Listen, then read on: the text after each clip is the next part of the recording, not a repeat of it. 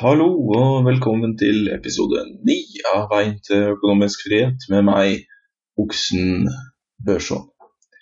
Agendaen eh, for eh, dagens episode skal jo handle om eh, september måned. Det er jo som vanlig at jeg skal gå gjennom budsjettet for denne måneden. Og så kan vi vel si at episodens tema i dag kommer til å dreie seg om min investeringsstrategi, da, eller en slags sånn derre eh, som jeg alltid har kalt det, så kjøper eller selger jeg eh, aksjefond eller aksjer, eller kall det hva du vil. Kjøper jeg eller selger jeg investeringer nå, da.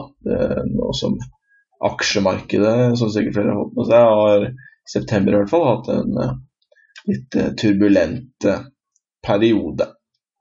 så det kommer til være hovedsnakkisen i dag. Hvordan eh, hvordan jeg eh, har forholdt meg til det her, og, og, hva som er min investeringsstrategi, da.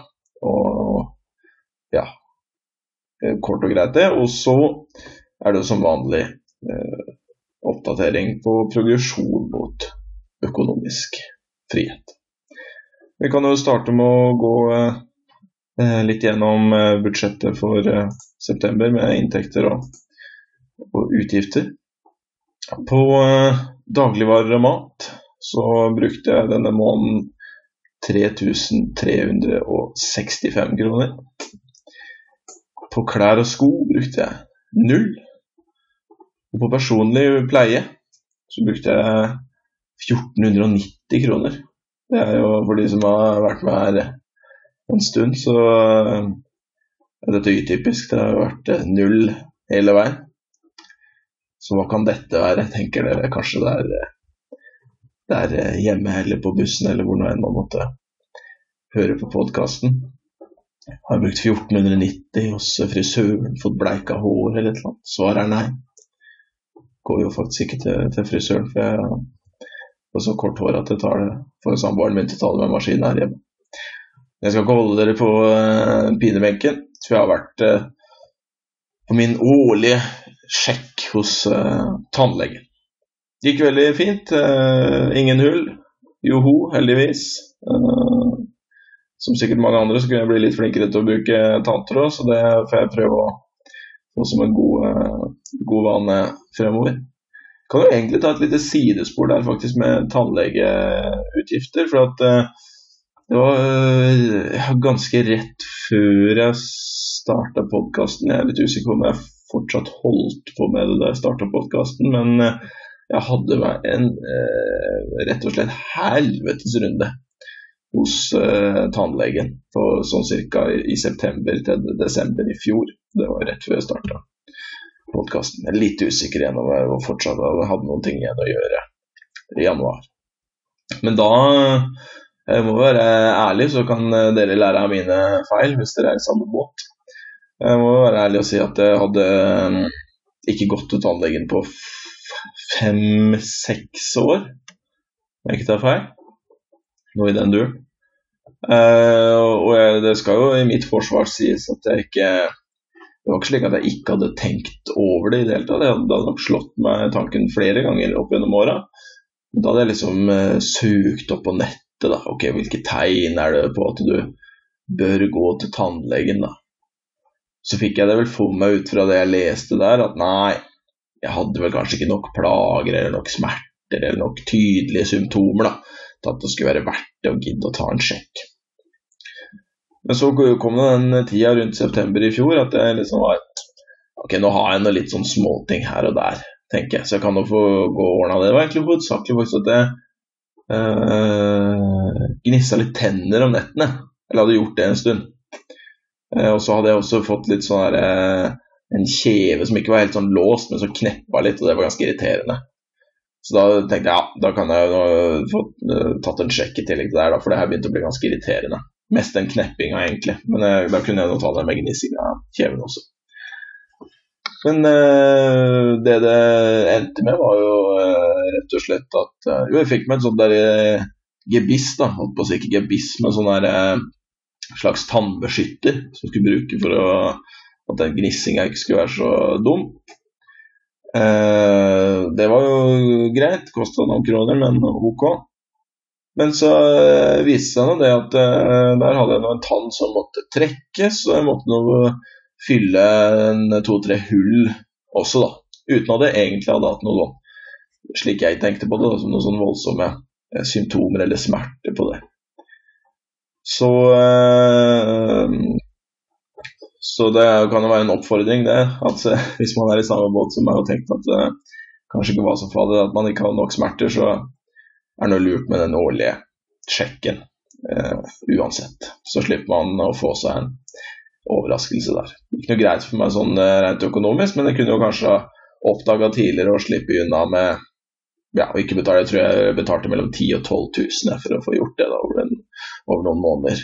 Eh, så kan hende at jeg hadde sluppet det hvis jeg, hvis jeg hadde gått litt mer jevnlig til, til tannlegen. Så Men det var nå en liten digresjon. Ok. Lek og mediebruk er på 1661 denne måneden. Reisekostnader er på 440. Møbler er på 76. Variable utgifter er satt på 35. Så er det mye av det faste. Boliglån fortsatt 4295. Studielån på null. Det har jeg jo som nevnt tidligere valgt å utsette for å investere det. Felleskostnader til borettslaget jeg bor i 2810. Så et fast trekk til en sånn felleskonto med felles utgifter på 770. Og disse til sammen blir eh, totalt for denne morgenen 14 942. Så egentlig godt innafor det jeg har satt som mitt eh, månedlige tak da, på, der, på rundt 17 300. Bruttoinntekten min denne måneden var på 56 838.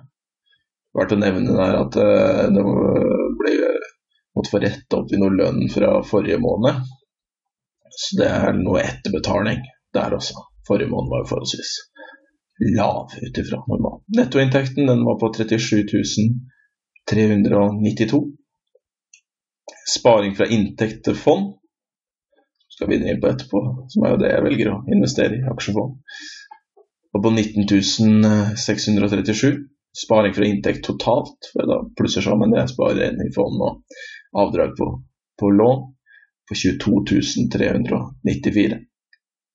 Du har spareraten for denne måneden på 59,81% Så har jeg investert eh, 38 092 totalt i fond denne måneden.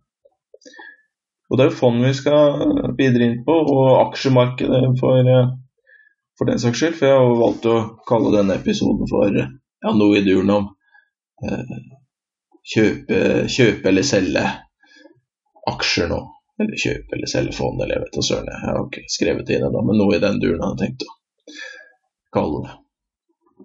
Det kommer nå egentlig mest til å handle om hva jeg har gjort eller ikke gjort, og hvorfor jeg eventuelt har gjort eller eh, ikke gjort det. Så jeg er jo ikke i noen, eh, noen eh, posisjon til å skal gi noen finansielle råd i det hele tatt, så man skal jo ikke ta det som det. Men uh, kanskje det er noe å lære fra uh, hvordan jeg um, Eller fra min investeringsstrategi, da, om det.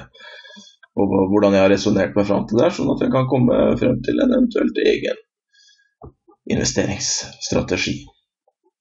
Og det jeg hører um, andre som har mye mer peiling på meg, når det kommer til eh, det her med investeringsstrategi, det er jo noe av det viktigste er at å faktisk følge den strategien man setter. Da. Eller det er jo det hele tatt setter strategien, så det er også følge den. Det jeg har kommet frem til som, som min eh, investeringsstrategi, det er at jeg investerer eh, Kort sagt så investerer jeg eh, alt jeg har av ledige penger så, eh, så å si så fort som mulig inn i brede, eh, godt diversifiserte aksjefond. Da har jeg 90 et globalt indeksfond. Det betyr da altså et, et fond som et globalt indeksfond. Det blir jo et fond som investerer i eh, hundrevis, noen ganger tusenvis. Eh, ja, opp mot eh, alt fra 700 til eh, jeg tror helt opp i 3000 selskaper rundt om i verden. Og vekter seg ut fra det som er, blir kalt en indeks. Så det er på, på, en måte en samling av, av selskaper som globalt indeksfond, så blir det på en måte at den enkelt sagt følger uh, globale utviklingen i, i aksjemarkedet. Så det er ingen aksjemegler som sitter og på en måte velger ut noen selskaper, og, eller velger inn noen andre, eller har mer eller mindre tro på den ene eller den andre. Så jeg, jeg kjøper bare hele markedet, da. Det har noe med at uh, slik jeg ser det, det er gjort en god del studier på det som man eventuelt kan, kan søke opp om at uh, aktive fond, da, som er da motsatt av indeksfond, hvor uh, forvaltere, en aksje en fondsforvalter, en aksjefondsforvalter går inn og velger og ikke velger de en har, har eller ikke har tro på. Det er veldig vanskelig å finne de fondene, da, viser det seg når man ser tilbake. Historisk sett veldig vanskelig å velge de beste fondene der, da, som slår, slår indeksfondene. Så Derfor har jeg valgt å ta indeksfondet. Da slipper jeg å tenke så mye på det. Da kan jeg bare sette pengene der og la det vokse. Sånn tenker du meg. Så jeg har 90% i et sånt globalt indeksfond. Så har jeg 10% i det som blir kalt et sånn fremvoksende marked. Da snakker vi altså eh, mer markeder som At det er penger, har penger i markeder som Brasil, India, Kina, Russland. Så det er mer fremvoksende økonomier enn en det globale indeksfondet. Har mer del av si, den industrialiserte verden. Da. Japan, Canada, veldig store deler i USA, Europa osv. Men i hvert fall, som sagt, jeg setter inn alt det jeg har av, ledige penger som ikke går til faste kostnader. Utover selvfølgelig bufferkontoen min har jeg jo hele tida, i tilfelle det skulle skje noe. Men utover bufferkonto penger som jeg skal ha til faste kostnader som går hver måned, så setter jeg det inn så fort som mulig. Det er min investeringsstrategi. Uh, og så uh, Og så vil kanskje noen tenke ja, nå har han snakka om skal du kjøpe eller selge nå. Og da er det jo, eh, Hvis jeg har holdt meg til min investeringsstrategi, så har jeg fortsatt å kjøpe nå, og ikke solgt noe ut, selv om det har vært eh, litt rufsete i markedet i september. Det har gått litt nedover. Og jeg eh, må jo gi meg en klapp på skulderen og si at eh, jeg har eh, fulgt min investeringsstrategi. Jeg har bare latt ting stå, ikke solgt noen ting, men fortsatt å kjøpe. Og det, slik det fungerer da, er jo når jeg kjøper slik jevnt og trutt, det blir på en måte én gang i måneden, altså i løpet av et år tolv ganger, da får jeg, får jeg, forhåpentligvis med meg Eller for, forhåpentligvis, altså, da får jeg med meg både når aksjemarkedet er billig og når aksjemarkedet er dyrt. Så jeg tenker jo mer på denne nedgangen som har vært nå i september, som at det er billige eh, investeringer å gjøre, da. Men så kan man jo få litt eh, Nå nylig altså nå, klart, nå har det jo vært litt eh, nyheter rundt altså denne nedgangen som var nå, kom pga. vi hadde dette her, eh, sikkert noe som hørte om dette uh, selskapet, Kina, eiendomsselskapet Evergrande, som har hatt økonomiske problemer. Det har jo ført til litt usikkerhet, som har gjort at markedet har gått ned. Så er det litt sånn eh, nyheter om inflasjon, bl.a. Så er det en hel haug med andre ting som jeg, jeg skal ikke kalle meg noen ekspert på det, på hvorfor det hvorfor Det er sikkert en hel haug med andre eh, nyheter som har, påvirker det også, men det er vel det som har vært mest fremme i nyhetsbildet. Men før eh, så har det vært en stund nå, kanskje siste året, halvannet kan man vel si, helt siden eh, markedet kom seg kanskje opp igjen fra, fra korona, den korreksjonen eller den nedgangen, store nedgangen vi hadde da koronapandemien eh, brøt ut. Så har det vel, etter det kom seg opp derfra, så har vel det vært mye prat om at nå er aksjemarkedet dyrt. Det er dyrt å, å kjøpe seg inn. Snakker man om det. Kort fortalt så går det på at når du kjøper fond, altså fond og fond kjøper jo aksjer, ikke sant. Så når man, man kjøper fond og aksjer, så, så, og fond med aksjer for den saks skyld, så kjøper man jo på en måte en, en del av et selskap, da, en del av dens ja, inntjening, kan man kalle det. Verdiøkning og, og inntjening. Litt enkelt sagt. Og det som eh, man sier da at aksjemarkedet er dyrt, så betyr det at den prisen man betaler for, for fondet, eller som på en måte er en pakke av de her selskapene, da, så betyr det at prisen for de selskapene de er dyre målt opp mot hvor mye penger de tjener. da. Og Når man ser på det, det er jo kalt en PE, en sånn price earnings-faktor, er, er, det kalt. Hvor mye pris det er for hvor mye inntjening selskapene har. Og den uh, har nylig vært litt sånn historisk dyr, da, når man ser, ser, på, ser på, det. Da er det mange som uh, kan få høydeskrekk. Uff, tør jeg å kjøpe meg inn nå, eller tør jeg ikke det? Men grunnen til at jeg har min investeringsstrategi, da, og velger å, å stå ved den Sånn som Før sommeren så hadde jeg en samtale med en uh, bekjent, og, som også investerer. da. Oh, Jeg er usikker nå, jeg får kjøpe meg en og, og slik. Uh, det, er, uh, det er liksom dyrt nå, og mye av de her faktorene her snakka om. Hva gjør du, sier jeg. Sier nei, jeg, jeg kjøper meg inn, jeg. Bare jevnt og trutt. Uff, ja, men det er dyrt, sier jeg. Sier jeg, nei, men altså, det er nå den strategien jeg har. Jeg sitter ved den. Og så litt sånn lengre frem forklaringa på det òg, da det er jo Det er mange faktorer. For det første, altså jeg, jeg, jeg aner jo ikke når det eventuelt skulle komme noe som skulle få det til å gå ned. da. Jeg har jo ingen eh, mening om hvor langt det skal gå ned før det i hermetegnet er billig nok til at jeg skal kjøpe meg inn.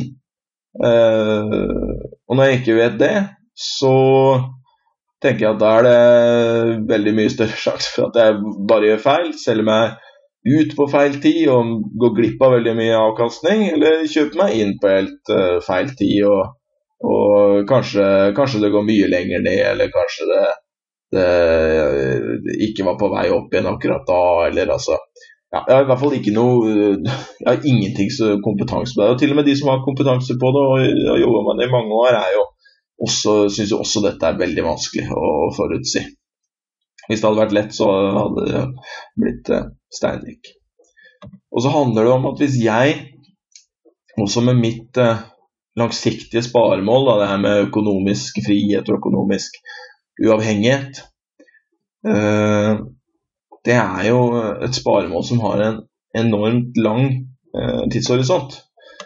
Hvis jeg forholder meg til mer sånn hva skal vi si, edruelige og, og, og forsiktige tall, da, så kan jeg grovt si da, at om jeg skulle bestemme meg for å, å på en måte eh, slutte helt å arbeide, det er jo ikke sikkert at jeg gjør, for den saks skyld, men om jeg skulle eh, bestemme meg for det, og idet jeg er økonomisk fri, og slutte å arbeide, og så begynne da å ta fra sparingen min, med litt edruelige tall og avkastningsprognoser og, og med den spareraten jeg har, så kunne det vært snakk om eh, at jeg tidligst da begynner å ta ut eh, penger om 20 år.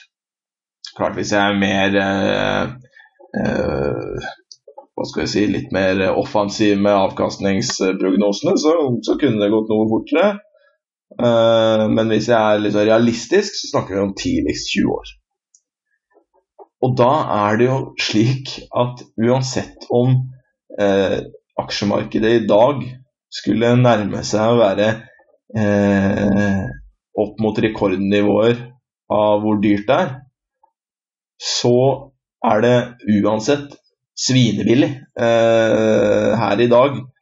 Sammenlignet, eller mest sannsynlig, jeg kan jo ikke garantere det, men det er veldig, veldig, veldig, veldig, veldig stor sannsynlighet for at det er svinebillig i dag Uansett om det blir sett på som dyrt i dag, da, historisk, sammenligna med det det kommer til å være om 20 år. Og det er hvis jeg tidligst da begynner å ta ut pengene, for ikke snakke om at da skal jeg ta ut disse pengene eh, over en veldig lang tidshorisont. som også igjen gjør at denne sparehorisonten min er veldig lang. Og Det er noe av det det er vel kanskje noe av det aller viktigste når man skal vurdere den risikoen en er villig til å ta. altså Om det er hvor mye aksjer man vil ha sammenlignet med mye man har på sparekonto eller, eller i rentefond og, og, slikt. Så er det det når er det man skal ha disse pengene. Og nemlig pga. dette at det, det, er jo så utrolig eh, lenge til uansett, så er jeg også komfortabel med at jeg jeg har jo, ja egentlig hele året, men også mer nå, da, holdt på med det vi kan kalle litt giring av min uh, sparing. Det betyr at deler av den er på en måte belånt. Altså nå, som jeg nevnte, om det var forrige episode eller forrige episode der, det husker jeg ikke, men jeg har begynt å studere. Da hadde mulighet til å få studielån. Og da setter jeg jo hele studielånet mitt eh, inn i fond. Det er jo da, da belåner jeg jo deler av min eh, investering. Men det er jeg jo komfortabel med å gjøre til det nivået jeg gjør det, fordi jeg eh, har en såpass lang sparehorisont. Og, uh, og, det har jeg for så vidt gjort med at jeg har utsatt betalingene på studielånet mitt og velger å investere det istedenfor. Det er jo en slags form for giring. Det betyr at jeg låner de pengene på en måte lenger. Og så øh, har jeg også kan snakke litt om det at jeg har jo litt, litt interesse for eh, finans- og økonominyheter. Må høre litt podkaster om det og, og se litt YouTube-videoer av noen kanaler jeg følger og slikt. Um, og for, for noen så, så, hadde det kanskje vært uh, helt idiotisk, og kanskje ville fått en til å, å få litt sånn hybris og, og, og, bli litt cocky og tro at en skulle lett kunne slå markedet. Uh, hadde kanskje litt uh, Det husker jeg ikke, det er en stund siden jeg ble interessert i det, men kanskje det hadde litt uh, effekt på meg, slik effekt på meg til å begynne med. Men nå har jeg gjort det i så mange år at det egentlig er noe jeg gjør først og fremst fordi at det er interessant. Og at det liksom Det er, det er, det er en lense jeg syns Eller lense? Linse. Jeg syns det er uh, morsomt å følge verdens uh, nyhetene i og nyhetsbildet i gjennom. Eh, men så er det også noe som for meg er en påminnelse, og som bekrefter for meg at jeg har riktig investeringsstrategi. Jeg har ikke Når jeg hører eh, om eh, Jeg kan nevne Roger Berntsen, som jobber i, i Nordnett, og ofte er på på Nordnett sin, sin podkast. Kan for så vidt anbefales om man er interessert. Når jeg hører om hans rutiner, som er en mye mer sånn Han kjøper, eh, han kjøper ikke fond engang, han kjøper hovedsakelig enkeltaksjer, tror jeg. Men jeg hører om hans rutiner, og han klarer øh, øh, over tid å slå markedet med noen prosentpoeng. Men jeg hører om de daglige rutinene han har, og den intense interessen han har for finans og det å komme gjennom øh, hundrevis, om ikke tusenvis av, av selskapsrapporter i året og, og uh, ene med det andre, um, så tenker jeg at det er overhodet ikke verdt det for, for, min del. Og, det, og, jeg hadde helt sikkert ikke Om jeg hadde lagt inn like mye tid som det han gjør, så hadde jeg helt sikkert ikke klart det uansett. For han har en helt annen kompetanse og bakgrunn enn meg. um, med det her. Og da, jeg har andre, altså Så interessert er ikke jeg i finans og det å, å spille velge aksjer og, og, slikt. At jeg har andre interesser som jeg er interessert i å, å, å bruke tida mi på overskuddet mitt på av tid, da, kan vi, kan vi si. Så, så, da velger jeg heller å få markedsavkastningen med å investere i indeksfond f.eks. Og Det samme går da med å prøve å time når det er dyrt og ikke og slikt. Altså Jeg har ikke overhodet ikke kompetanse til å, til å eller, eller, interesse nok til, til, å tro eller at det skal være nyttig for meg å gjøre. Um, overhodet. Og så er det, er det, jo slik også at um, at et godt råd for de aller fleste, det må være å ikke sjekke altfor mye. Det er jo en sånn kjent psykologisk eh, ting med oss mennesker at vi kjenner på tap eh, mye hardere enn det vi kjenner på, uh, å få noe igjen, da. Altså, i, aksjemarkedet så vil du at vi kjenner på tap av penger mye mer enn en avkastningen. Jeg følger jo egentlig forholdsvis tett med. Jeg følger i hvert fall med minst én gang i måneden, men nok mer enn det òg.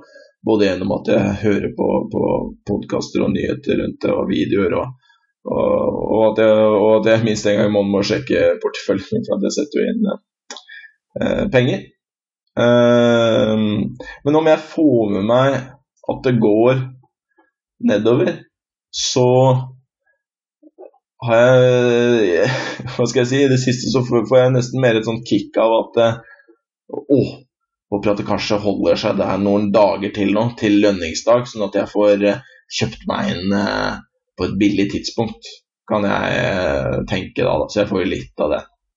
Men jeg tror nok uansett da, i, helhet, i et helhetlig perspektiv at det hadde nok også vært Det kan jo være et, kanskje et sånt forbedringspunkt for meg å forsøke å sjekke litt, litt mindre. For jeg kan nok ta meg at det en og annen gang hvis jeg kjeder meg litt på, på bussen eller, eller, en annen gang, at jeg kan ta meg og sjekke litt sånn unødvendig.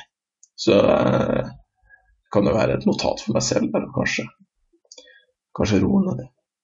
Men det var nå litt om eh, min investeringsstrategi, og om hvordan eh, Om jeg har klart å følge den. Og heldigvis har jeg klart å følge den. Så svaret for meg på dette spørsmålet, om det er å kjøpe eller selge aksjer nå, så er det å sitte helt uh, rolig i båten, ikke selge noen ting.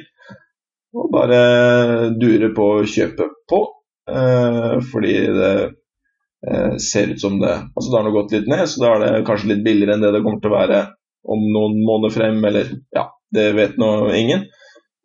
Men det bryr jeg meg om. Jeg har nå kjøpt meg jeg har nå kjøpt meg inn gjennom hele året når det har gått opp eller ned, eller, eller hva det nå er.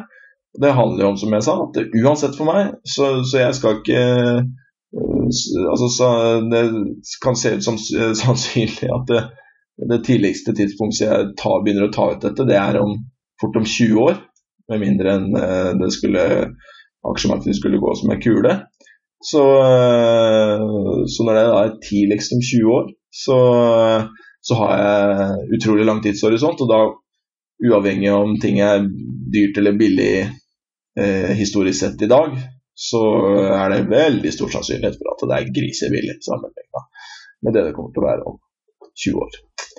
Det var liksom konklusjonen. Så også det å finne sin egen eh, investeringsstrategi.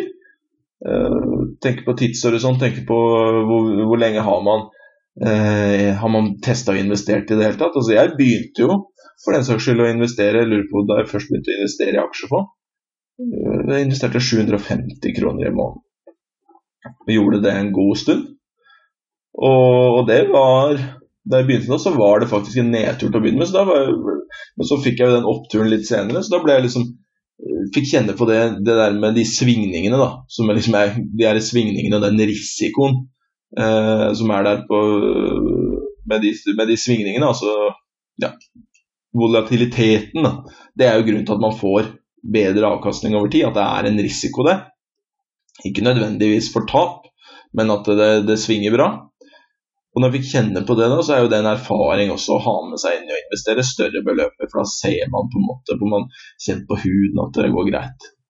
Hvis man, Det kan være noe, det, og det kommer an på personens typer, men altså det kan jo være for én person så kan det kanskje være ok, jeg har 20 års eh, horisont på denne investeringen her, aldri investert før. Det går kanskje helt fint å investere 100% i aksjer. Mens for en annen har jeg 20 års horisont på det.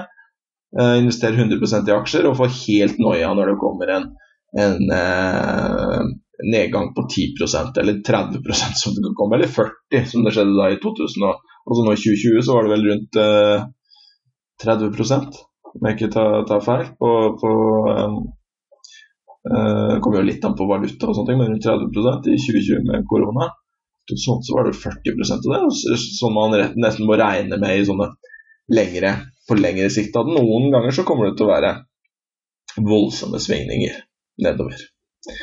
Uh, men, for, men for, for, noen da så kan det For andre så kan det komme som Eh, som et emosjonelt sjokk som gjør at man selger seg ut, da, til tross for at man har den 20-årshorisonten uansett.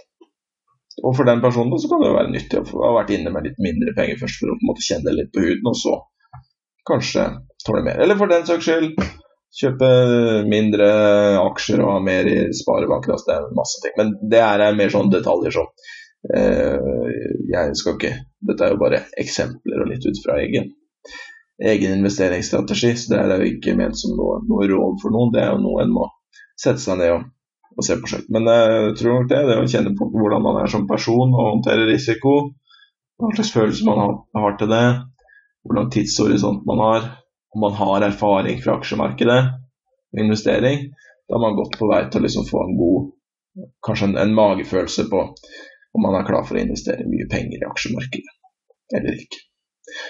Ok. Vi tar eh, en liten oppdatering på progresjon mot økonomisk frihet. Nemlig pga. at det har vært en eh, nedsving nå i september, så eh, er det faktisk ikke så voldsom progresjon her.